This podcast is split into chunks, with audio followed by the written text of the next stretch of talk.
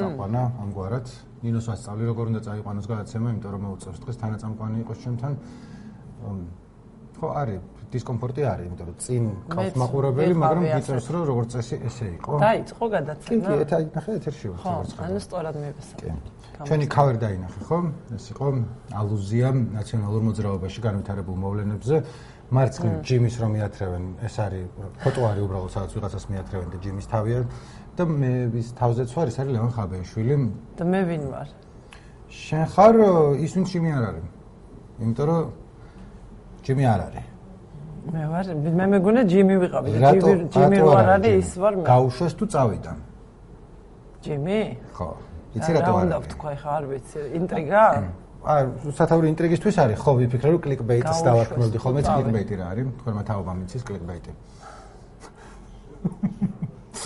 მართლა იცი სიტყვა კლიკბეიტი რას ნიშნავს? შემილია წავიდე, არ ვიცი. ძალიან ხმამაღალი სკანდალური სათავე, რომელსაც რო გახსნი შეგნით ისეთი არაფერია. ხო, ანუ რეალურად ჯიმი არ არის დღეს და არც იქნება დღეს. იმიტომ რომ არ არის და არც იქნება. და ხმა ჩახენწელი და გადავწყვიტეთ რომ დაესვენებინა ყელი, იოგები დაჭirdება. იოგები, ხვდები, ყელის იოგები. ის კი არა რომ თქვა ასანებს რო აკეთებენ, ისინი სხვა იოგები არიან. აქ ცუდი ამბავი მგონი ის არის რომ მაყურებელი ელოდება ჯიმის ელოდებოდა და დავხვდი მე. ნამდვილად.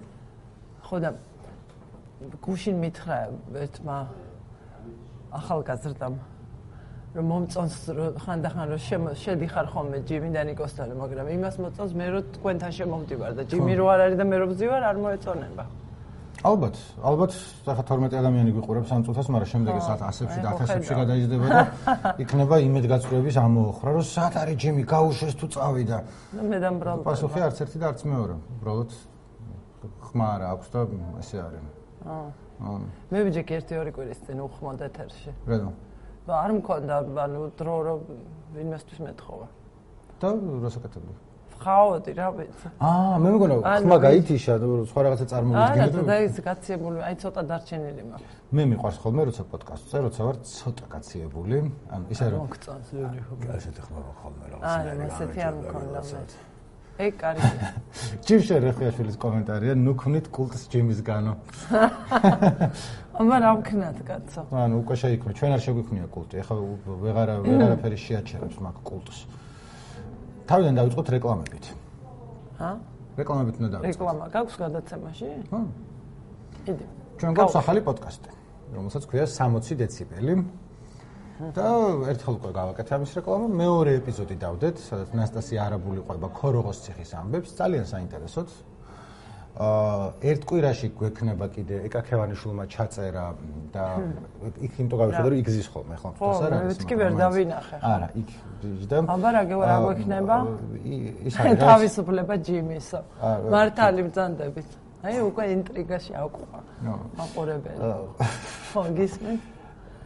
ქევანიშვილი ეკა კი ის ციგნი გამოვიდა შერიგების აი მოკლედ აფხაზიატორები ქართველი ავტორები და ქალები არიან წერილები მარტო თუ არა მხოლოდ მოკლედ ხო აფხაზი და ქალი ანუ შეიძლება შეიძლება ქალები არიან შეიძლება ქალებიც არიან კაცის ხმა იქ არ გამიგია მე მაგრამ შეიძლება ვერ მივედი ხო ციგნი მინდა და იმედია მაშინ შეიძლება იქნება რომ მარტო ქალები იყოს თუ როგორ? არა არა პროექტის სპეციფიკა მინდა მაინტერესებს კი ასევე ნინოს გადაცემაც ისმინება პოდკასტად. მართალია არ არის ჩაფიქრებული როგორც ასეთი, უფრო რაღაც აუდიო-ვიზუალური გამოცდილება. მაგრამ უსმენენ როგორც ვიცი. კი. და ეს გადაცემაც ისმინება პოდკასტად, მაგრამ პოდკასტებს მეგონი მოვჭი. და ასევე არა არ მოვჭი. აა რეკლამა შენ ხარ ეხა ეს რაღაცებს რო იძახი რეკლამა ხარ. კარგი. ესა აა და იოსკა გვეკითხება Spotify Wrapped-ის შესახებ ეპიზოდს ჩაწერ თუ ახლა ჩაარიხინებო. არა, არ ჩავარიხინებ Spotify Wrapped, იცი რა არის? Spotify არის ეგეთი აპი, რომელთაც უსმენენ მუსიკას და პოდკასტებს. და წლის ბოლოს გიჯამებს ხოლმე და თუ თქვა მუსიკას უსმენდი, გეუბნება რას უსმენდი წლის განმავლობაში. თუ პოდკასტერი ხარ როგორც მე Spotify-ზე. მაშინ გეუბნება რომ ისე უნდა მოვიქცე ხარ რომ აღარასდროს შემომიყვანო. ბოდიში. აი, მეც ხმას ვკარგავ. მოკლედ, ძალიან კაი შედეგები დავდეთ წელს. მე და სალომე ასეთი ამ ძირითადად. ორმა წამყვანმა პოდკასტერმა რადიო თავისუფლების ჯერჯერობით მე წამოგვეწევიან აქ 60 დეციბელი წამოგვეწევა იქ ახალი პროექტი რომელსაც ჯიმიც მონაწილეობს არა გელაშვილის რაღაც გამსხვილდებიან ისინი შენ განაცოლე პოდკასტი არ აქვს. შენ გაქვს აუდიოვიზუალური გამოცდილება, დილის გადაცემა და ჩვენ დაბრუნდი ჯიმი. ხო. ხო, და არის რატო დაგიძახე? ჯიმი რო გავუშვი, ვიფიქრე რომ მინდოდა განათლებაზე ლაპარაკი. ჯიმი მოგეხსენება, არ არის განათლებული ადამიანი. 7 კლასი. ჯარი მერე როდის მაგას საკითხული არ აქვს და უბრალოდ და ამიტომ ჯიმი რომ არ არის განათლებული მე მომიყვანე რომ იმიტომ რომ ეხლა ნახე როგორ შევკრათ რეკლამის ნაწილი შენ ლაპარაკობ ხოლმე განათლებაზე შენს გადაცემაში. თუ არა? კი. ხო. არის ასეთი რუბრიკა. ამასთან ერთად ჩვენ შობლები. ვართ შობლები. ბავშვები ყავს. ერთი ასაკის აქ არის მოდი ერთი წამი ხელი დაუქნია ხალხს და მე რეკადი უკან მართლა ერთ წამი მოდი ხელი დაუქნია და წადი. უფროსებიც უმცროსებიც ასე შემდეგ და ეს ულამაზესი ვიღაცას ეგონება რომ ეს სპეციალურად ვერ დავტოვე ვერავის აი ჩანს. ჩანს. კი აი იქ არის. ნიტა ნიტა ეს და როგორც ყველა სასკოლო ასაკის ბავშვის მშობელს და არა მხოლოდ ფიქრობ ხოლმე რომ ოთ ჩემი ეხა ჩემი ის ახლა რესპონდენტი ხარ ონთ მიჯამებ შედიმერებს ხმა მიწოდება და მგონი რაღაც ის არის მაინც თარსი დღეა უკაცრავად დიახ ბოდიში რამდენი განაცემა ქონდა რომელიც განათლებას შეეხებოდა? განათლებაზე დილის საუბრები, მოკლედ დილის საუბრები ახლა ჩემი რეკლამის დრო დადგა. დილის საუბრებში, ვინც არიცით ჯერ კიდევ და მარტო ჯიმიდან იქოს უყურებთ, უნდა უყუროთ ასევე დილის საუბრებს ყოველ დღე. სესილია თაღავიშვილი ვიყურებ, იმიტომ რომ მე ვთქვი რომ სწორედ შენი რეკლამისთვის ვაკეთებ მეთქი და შენ რესპონდენტი ხარო ჩემიო და ხა. იმიტომ რომ შენ რეკლამას ვაკეთებ. დილის საუბრებში, მოკლედ ესე ცვლილება მოხდა, უკვე თვეებია. ხო და და ასე დავანაწილეთ კვირაში თითო დღე, თმობა თითო სფეროების მიხედვით ასე და პარასკევი არის აი მაგ დილის საუბრები განათლებაზე. ორშაბათს დილის საუბრები დემოკრატიაზე, სამშაბათს დილის საუბრები ეკონომიკაზე, ოთხშაბათს მიმოვიხილავთ ბუკა პეტრიაშვილთან ერთად რონდელი სოფლიო რადარში სოფლიოს ამბებს. და ხუთშაბათს საგარეო პოლიტიკასა და უსაფრთხოებაზე და პარასკევობით განათლებაზე. რატო? იმიტომ რომ აბა რომელი გავალ პირველი ეთერიდან. იმიტომ რომ ვთვლი რომ ყველაზე მნიშვნელოვანი სფეროა, არ მაქვს ამბიცია რომ აი ახლა მე მოვული ამ საქმეს. უბრალოდ რაღაც პატარა მცდელობა გნებავს სასოწარკვეთილი არის ჩემი რომ ამაზე ვილაპარაკოთ სტუმრებთან, თანაწამყვანთან, განათლების კოალიცია ჩვენი პარტნიორი პარასკევობით და გოტა ჭანტურია. და კონდეს 10 წუთის წინანდელი კადრები უნდა გადიოდეს, შემდეგი ხარ, აი მე მოული ახლა სწორედ ამ საქმეს და უცებ ეს კარგად იქნებოდა. ხო, ჩადგამენ ალბათ მე. და მუდმივი სტუმრები ყავს თუ იცვლებიან ხოლმე პარასკევს? არა, თანაწამყვანი მუდმივია, მაგრამ ხანდახან სტუმარიც გვემატება. და პარასკევის თანაწამყვანი ვინ არის შენ? გოტა ჭანტურია, განათლების კოალიციის დირექტორი. ამ ხნის განმავლობაში რამდენიმე თვე ასხდა. აა, კი. რა დაინახე, რომ რა, ანუ მესმის რომ ეს არის კომპლექსური, ბევრნაირი რაღაცა. აი ერთი რაც პირველი თავში მოგდის, როგორც ჟურნალისტი, ძალიან ცოტა რამე ცოტა მოვასწარით ჯერ.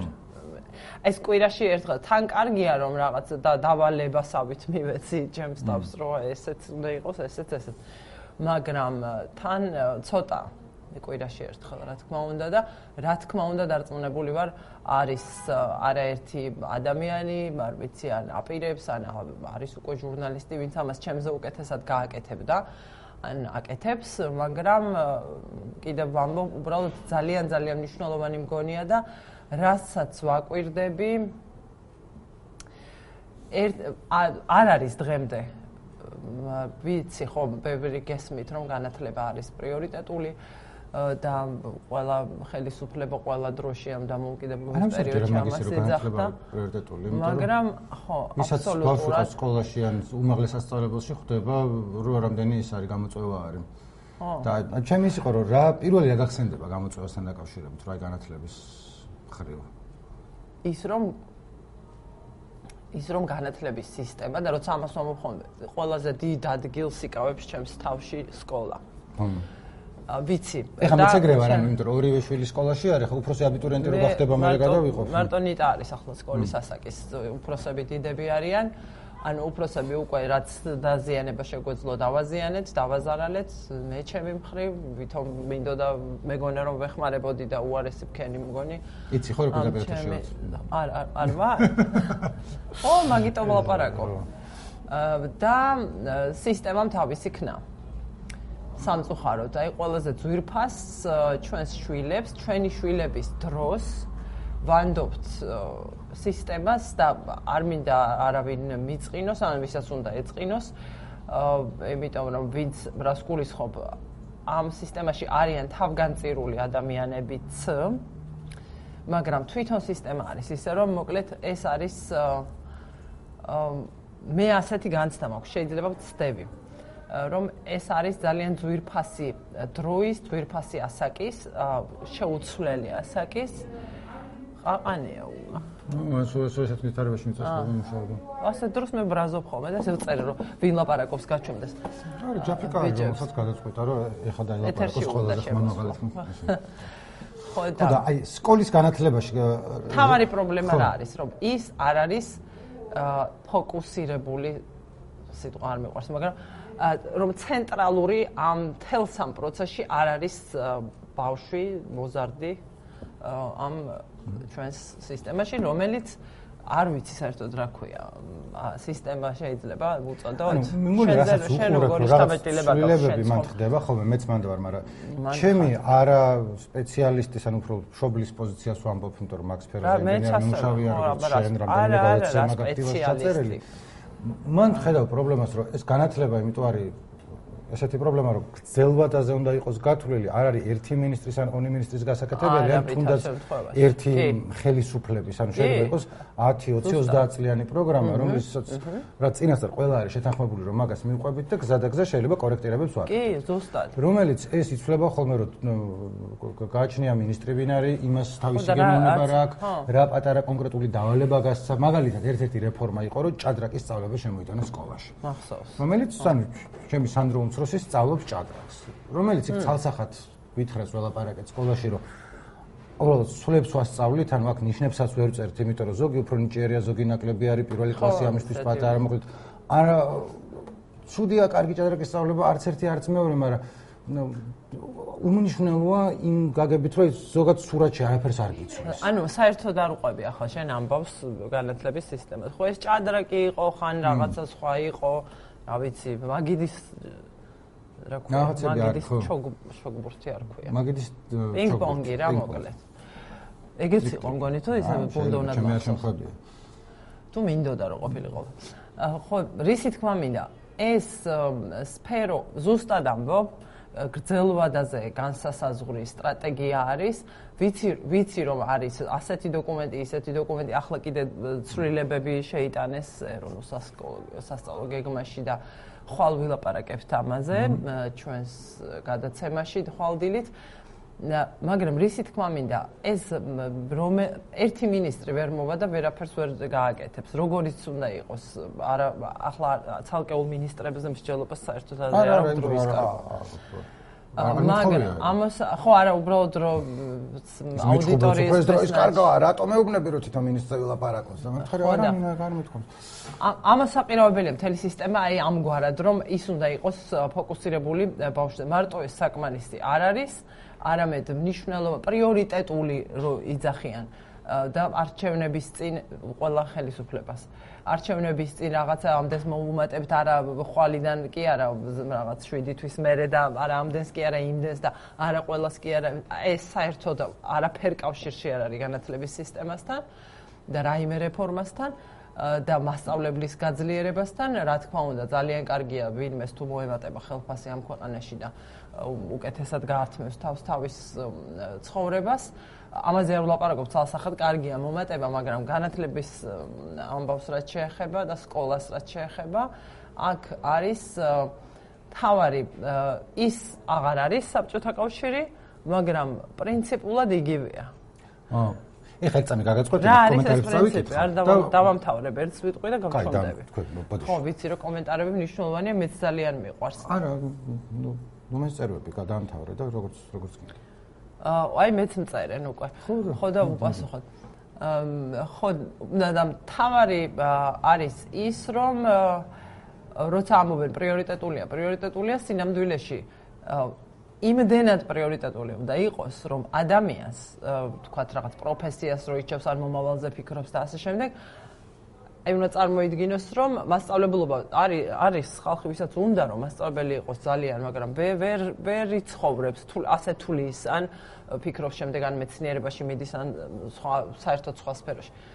იმდენად პრიორიტეტული უნდა იყოს რომ ხალხი ერთმანეთს უნდა ხოცავდეს ამ პროფესიაში მოხვედრისთვის ხოცავდეს კარგი გაგებით უნდა იყოს ისეთი დაინტერესება და კონკურენცია მაღალი. აი ისეთი მე შეიძლება ვიღაცას ისე მოეჩვენოს რომ რა ზღაპრებს იძახი მინიმუმ ministris დონის ხელფასები უნდა ჰქონდეთ.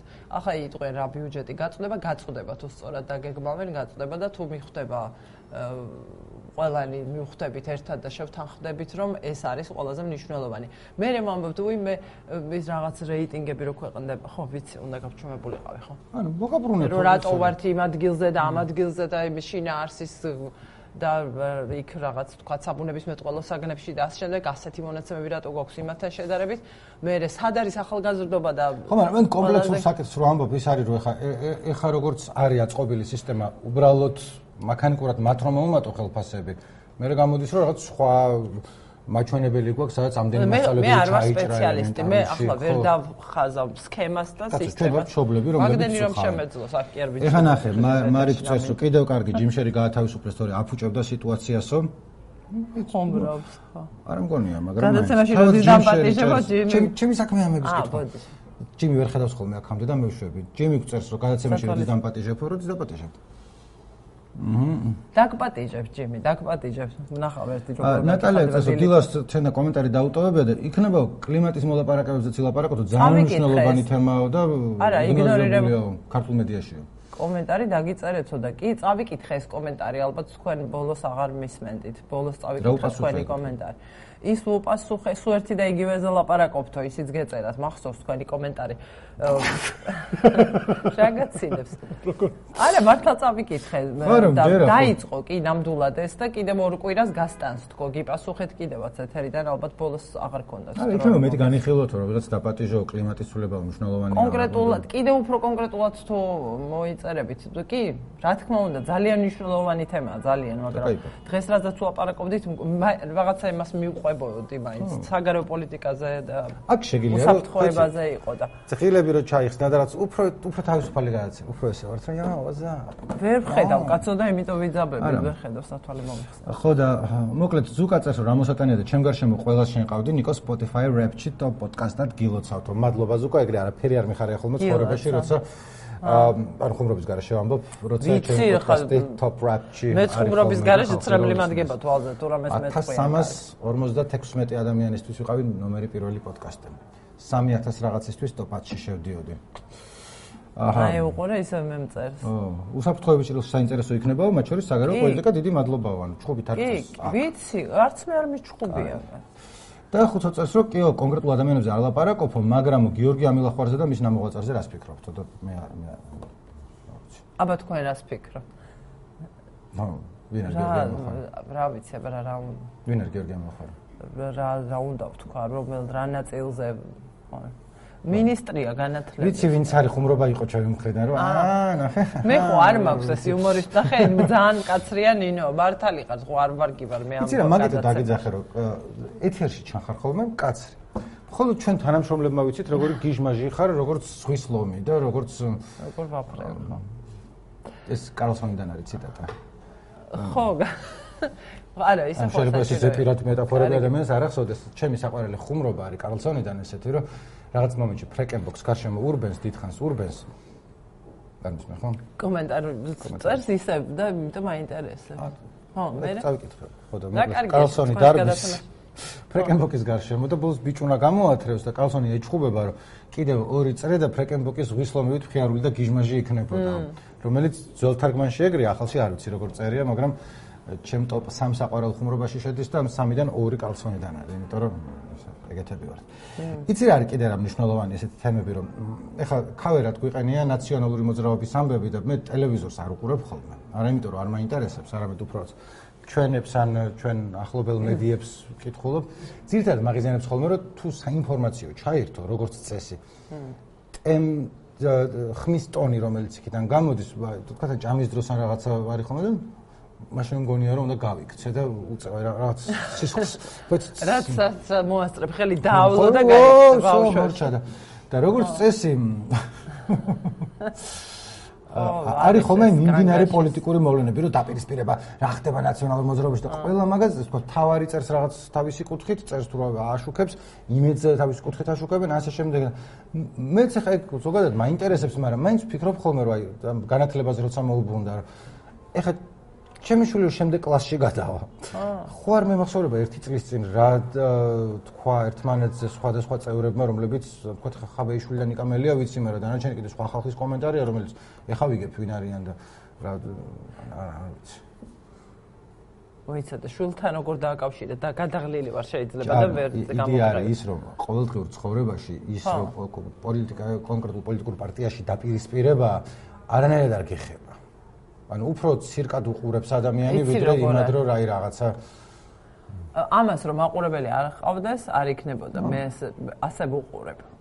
სხვა საკითხია ვთქვა მე რამდენად მნიშვნელოვანია თული ან შენ რამდენ რამდენ ვეღარ ვლაპარაკობ საღამოს. დილით დილით უკეთესად გამოვიყურები და უკეთესად მეტყვი კინოში იყო სადაც ნახა ძალიან მძიმე ფილმი და ფილმიც მძიმე იყო მოუყვები. ხო ვიტყვი მაგაზე ძალიან ფილმიც მძიმე იყო და ამბავი ამ ფილმის უკან რეჟისორი რომლის გადაღებულიც არის ეს ფილმი ცხოვრობდა ძალიან ახლოს რაღაც რამდენიმე ათეულ მეტრში ერთ-ერთ დასახლებაში ღაზის სექტორთან და დაიღუპა მოკლეს 7 ოქტომბერს როცა ისე მოიქცა რომ 27 წლის რეჟისორი და მისი ფილმი იყო მოკლე.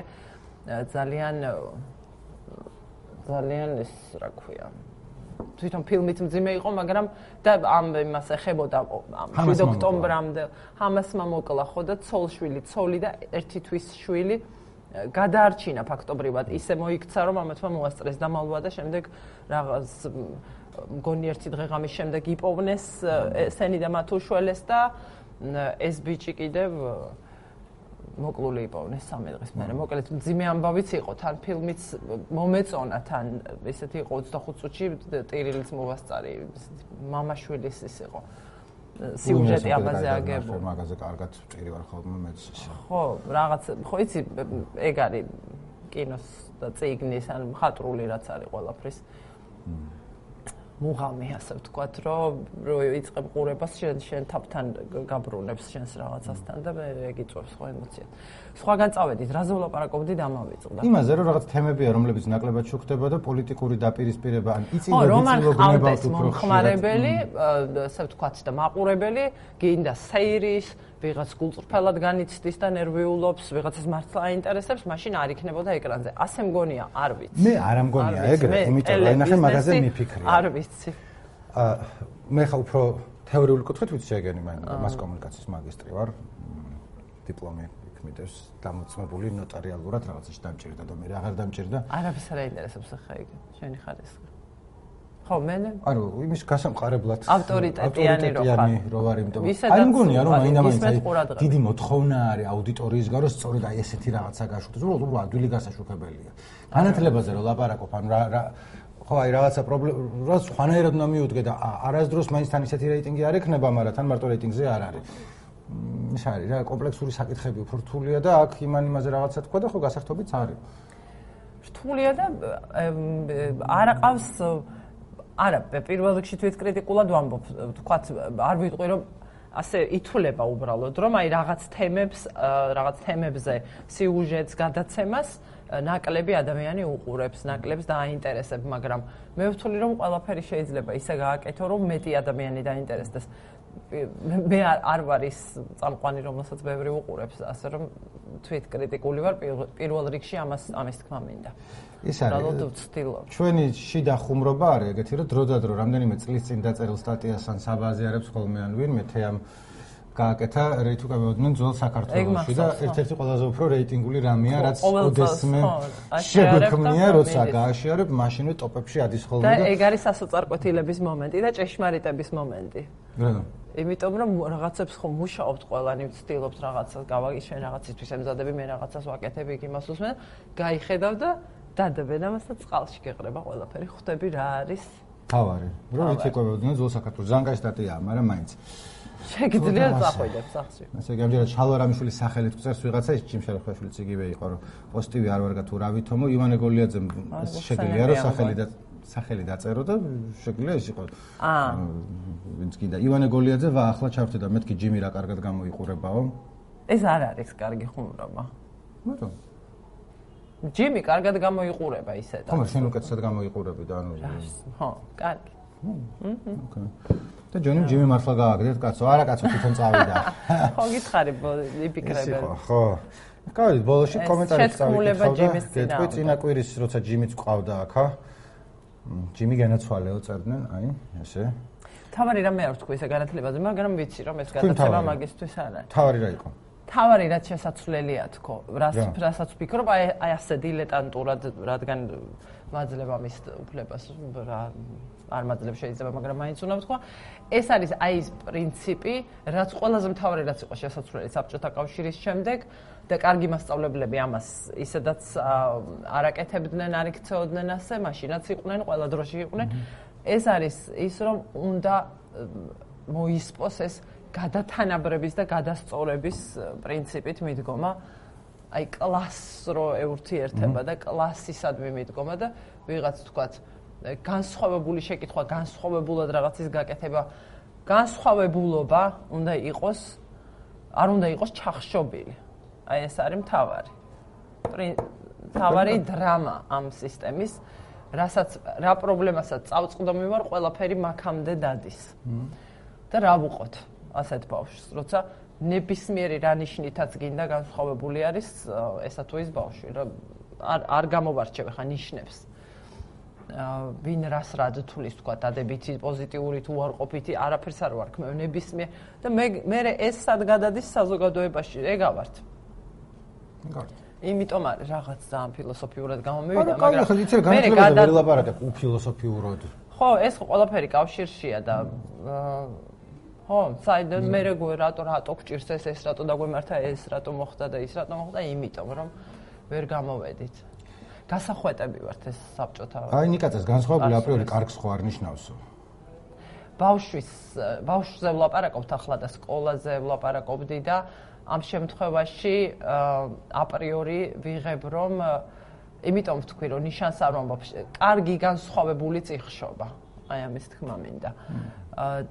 განსხვა ბავშვი კარგია რა. მოკლედ ნებისმიერ შემთხვევაში და დანარჩენი ყველაფერი რაც არ ბოდიში მიკროფონო.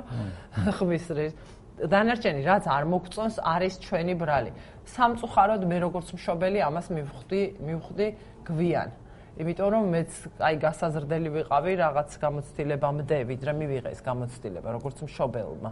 იმიტომ რომ ცოდნა არ მქონდა, ის საუცილებელი ცოდნა, ასევე რაც გჭირდება მშობლებს. ესეც ხო პასუხისგებლობის და განათლების საკითხი არის. სამწუხაროდ ვიღებ, მივიღე გამოცდილები და გამოცდილება საკუთარ შვილზე, შვილებზე იღებ და რაღაცები არის რაც შეიძლება წინასწარი. განსხვავებული ნიშნავს ნორმალურს, იმიტომ რომ ბავშვები არიან სხვადასხვა კუთხით განსხვავებული. ზოგი უკეთესად სწავლობს, ზოგი ვარესად, ზოგი უფრო ენერგიულია, ზოგი უფრო პასიურია. ზოგი ესეთია, ზოგი ესეთია და საბოლოო ჯამში ყველა განსხვავებული არა, ოღონდ ზოგი უფრო გამოირჩევა ამ განსხვავებულობით და იმათი აი ცაციებს რო აიზულებდნენ რომ მარჯვენა თითქოს ეგრე იყო ჩემ შენ დროსა? არა, ჩემ დროს არ იყო ეგრე. არა, თან მე არა ვარ ცაცი, არ შეიძლება ვიღაცებს ხო, წახალისებული არის. რომელიც რამდენადაც ხებს უთქვამ ჩვენთვის ფაქტობრივად წამება არის ანუ იმიტომ რომ რატომ უნდა ისევე როგორც მე რომ მითხრე ხო მარცხენა ციწერეო აი თა ეწეს რომ განათლების მიმართულებით ვსწავლობ ლონდონში ვფიქრობ რომ ჩვენი სისტემა ილუზორულია და ყოველდღე ნერვები მეშლება რა დღეში ყავს ჩვენ ახალი აი ზუსტად დიდი მადლობა თაიას დიდი მადლობა. ხო აი ზუსტად კომპეტენტურმა ადამიანმა უფრო ისე ჩამოაყალიბა. გარკვევით. კიდე მინდა რომ რეკლამა გავაკეთო შეიძლება? მე ხო კიდე შემო გააცემა მუსიკოსებთან რომ მაგ ხოლმე ინტერვიუები ვერსისი. ეხა ხო ბოლოში დავდეთ მწვანე ოთახთან და ეხა უყურებდი, ანუ ამ კვირაში უნდა დავდოთ კორძთან. კორძი იცი? შეიძლება არ იცოდე, მაგრამ ესეთი ერთ-ერთი ახალი თაობის ესეთი წარმომადგენელია კლასიკურ მუსიკასაც აკეთებს, ელექტრონულ მუსიკასაც, ბიტს აკეთებს. სპექტაკლები ხო გიყვარს? ბრუნტეტი ქონდა სპექტაკლი, სადაც აი თავისი ბავშვობის ჩანაწერი იყო, მეხუთე 5 წლის იყო, მოკლედ გეტყვი. 5 წლის იყო, როცა აქედან წავედი და შვეიცარიაში ცხოვრობდა. და სპექტაკლს მიყვებოდი, ხო და მოვემზადე. აა, ოკეი. 5 წლის როცა იყო მამიდა მისმა ჩაწერა ინტერვიუები მასთან ხუმრობით რა რაღაცა. აი, დახვიდე ჩამოჭექით სპექტაკლს ყვება. მე ჯერ სპექტაკლამდე არ მისულა და არის აუდიო ჩანაწერებია, სადაც პატარა კორძი მამიდა მის უყვება რაც წარმოსახვით ქვეყანა ბრუნდეტის შესახებ და მე ეხლა ამაზე მუსიკა და ადეს სპექტაკლი იყო მაგის რეკლამა არ არის ჩაიარა უკვე რამდენიმე დადგმა იყო და ჰოლანდიიდან ხალხი იყო ჩამოსული უკრავდნენ და კარგი იყო მოკლედ ეხადავდებთ კორცთან რომელიც ძალიან კაი გამოვა. შემდეგი იქნება ცირკუს მირკუსთან ძალიან კარგი. და გუშინ ვის ველაპარაკე აბა? არ ვიცი ვის ველაპარაკე ისე კომენტარს ვკითხულობ ხო ეს შეგიძლია არ წაიკითხო. ინგლისურად დიდიათ ასოებით და შეიძლება ეს ხალი გავს ამერიკელ ქალსო. რაც არ ვიცი კარგია თუ. კორძ კაი კერძია ორი ხუმრა ეითო ეითმა. არა შევიმჩნიეთ ხუმრობა სულელური ხუმრობა იყო მაგრამ სასოციო ჩემი საყვარელი ეგეთია გუშინ ვის ვალაპარაკე ვისთან ჩაწერე ინტერვიუ? არ ვიცი ვისთან ჩაწერე. ვისთან ჩაწერე? ა მოდიში რეკლამაა ხო ხო. ვისთან ჩაწერე ინტერვიუ. ელა წურწუნიასთან გამოვიდა გადასარევი ერთსათი ვილაპარაკეთ არის აი ძალიან საინტერესო ინტერვიუ. ისაც საინტერესო იქნებოდა?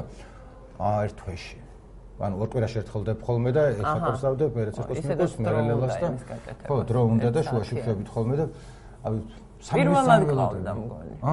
შენ. ველაპარაკ ხო. ხო საერთოდ არ მახსოვს ანუ როგორ ჩაგეწეროს ინტერვიუ ლეო ტუცუკთან? არა, არა, მაგრამ სხვებთანაც პირველად მოხდომე როგორც წესი, ახლა რომ ველაპარაკები, ან ზოგთან მქონია. კი, მაგრამ ეს ამდენი ხანია და შენ ამდენი ხანი შენ საქმეში ხარ და ის ამდენი ხანია. ხო, მაგაზეც, მაგაზეც მქონდა ლაპარაკი და დელოდეთ ძალიან კაი გამოვიდა. დელოდეთ რატო თქვი, არ ვიცი. მადლობა ნინო რომ შემივსე გვერდი, მაშინ როდესაც ჩემი შვილი მეუბნება ახალი დირექტორი ყავს ასე გითხრათ ძალიან კარგი ხალია თურმე ძალიან მკაცრი და ბრაზიანია და თვითონ გითხრა რომ რომ დამინახავთ აუცილებლად გამიღიმეთ და მომესალმეთო ხო? აი რას გამოიწევს ახლა ბავშვებისგან პირიქით ქცევას? რა ვიცი ბავშვებს თუ მოვუწოდებთ რომ თავისუფლება არ დათმოთ ბავშვებო და აი დანაშემსა წავიკითხავ ნინო ქცევსო ძალიან მავნე პიროვნებასთან ქონდა ძალიან საინტერესო ინტერვიუ ქალბატონო ნინო.